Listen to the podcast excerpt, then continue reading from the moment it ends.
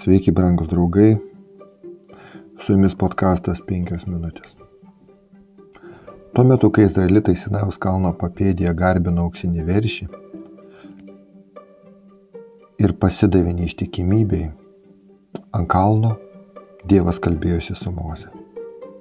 Vieš pažinodamas, kas vyksta kalno papėdėje, sako Mozė, skubėk to jau pat žemyn. Tavo tauta, kurie išvedė iš Egipto žemės, nedorai pasielgė. Jie suskubo pasukti iš kelio, kurie eiti buvau jiems įsakęs, nusilydino veršį ir aukoja jam sakydami, Izraeli, štai tavo Dievas, kuris išvadė tave iš Egipto žemės. Viešpas kalbėjo Mozei, matau, kad ši tauta yra kietas sprendė, todėl dabar palik mane vieną, kad mano įniršys jiems įsiliepsnotų ir juos sunaikinčiau, o iš tavęs padaryčiau didelę tautą. Bet Mozė maldavo viešpatį savo Dievą ir sakė, viešpatė, kamgi dega tavo įnešis prieš tautą, kurią išvedė iš Egipto žemės didžia galia ir galinga ranka.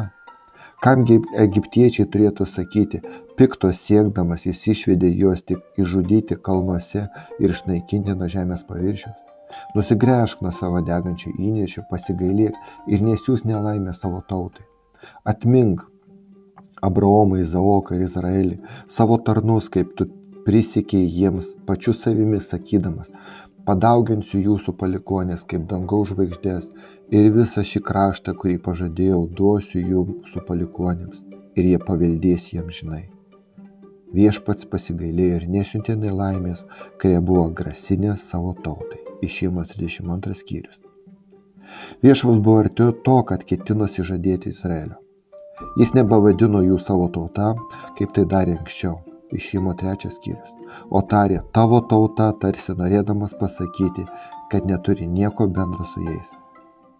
Pažeidę savo sandoras įsipareigojimus, izraelitai pasitraukė nuo Dievo ir, kaip vėliau pasakys pranašas Izaijas, jų nusikaltimai atskyrė juos nuo Dievo. Izajo 59 skyrius. Ir dabar tokie situacijoje viešpats siūlo Mozei tokią įvykių raidos versiją - palik šitą tautą. Tu būsi naujasis tautos pradininkas, su tavimi bus sudaryta sandora.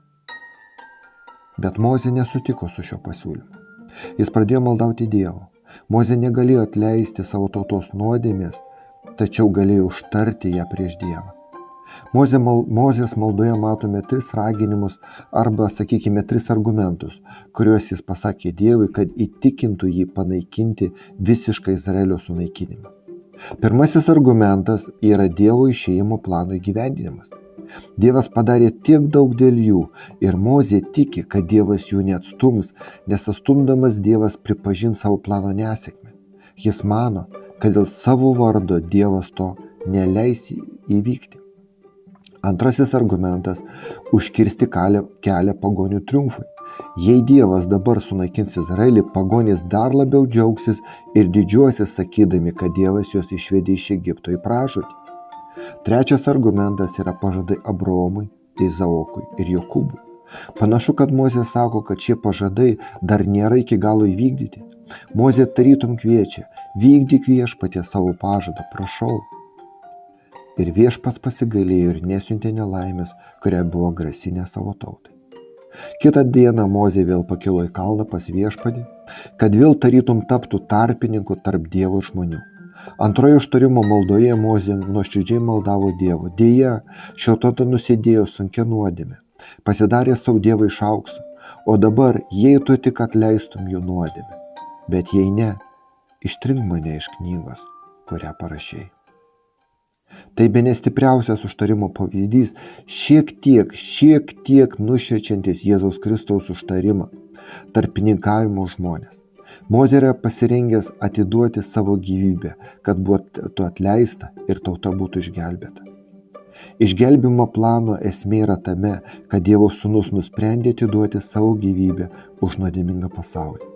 Patirti tai, ką turi patirti nuodėminga žmonija - mirti. Mozės pasiūlymas išbraukti jo vardą iš gyvenimo knygos nebuvo priimtas, tačiau Kristaus pasiūlymas buvo priimtas. Jo vardas buvo išbrauktas iš gyvenimo knygos, kad ten galėtų pasirodyti mano ir tavo vardas. Šlovė mūsų viešpačiui už neišmatuojamą meilę mums ir norą mus išgelbėti. Su jumis buvo podkastas 5 minutės.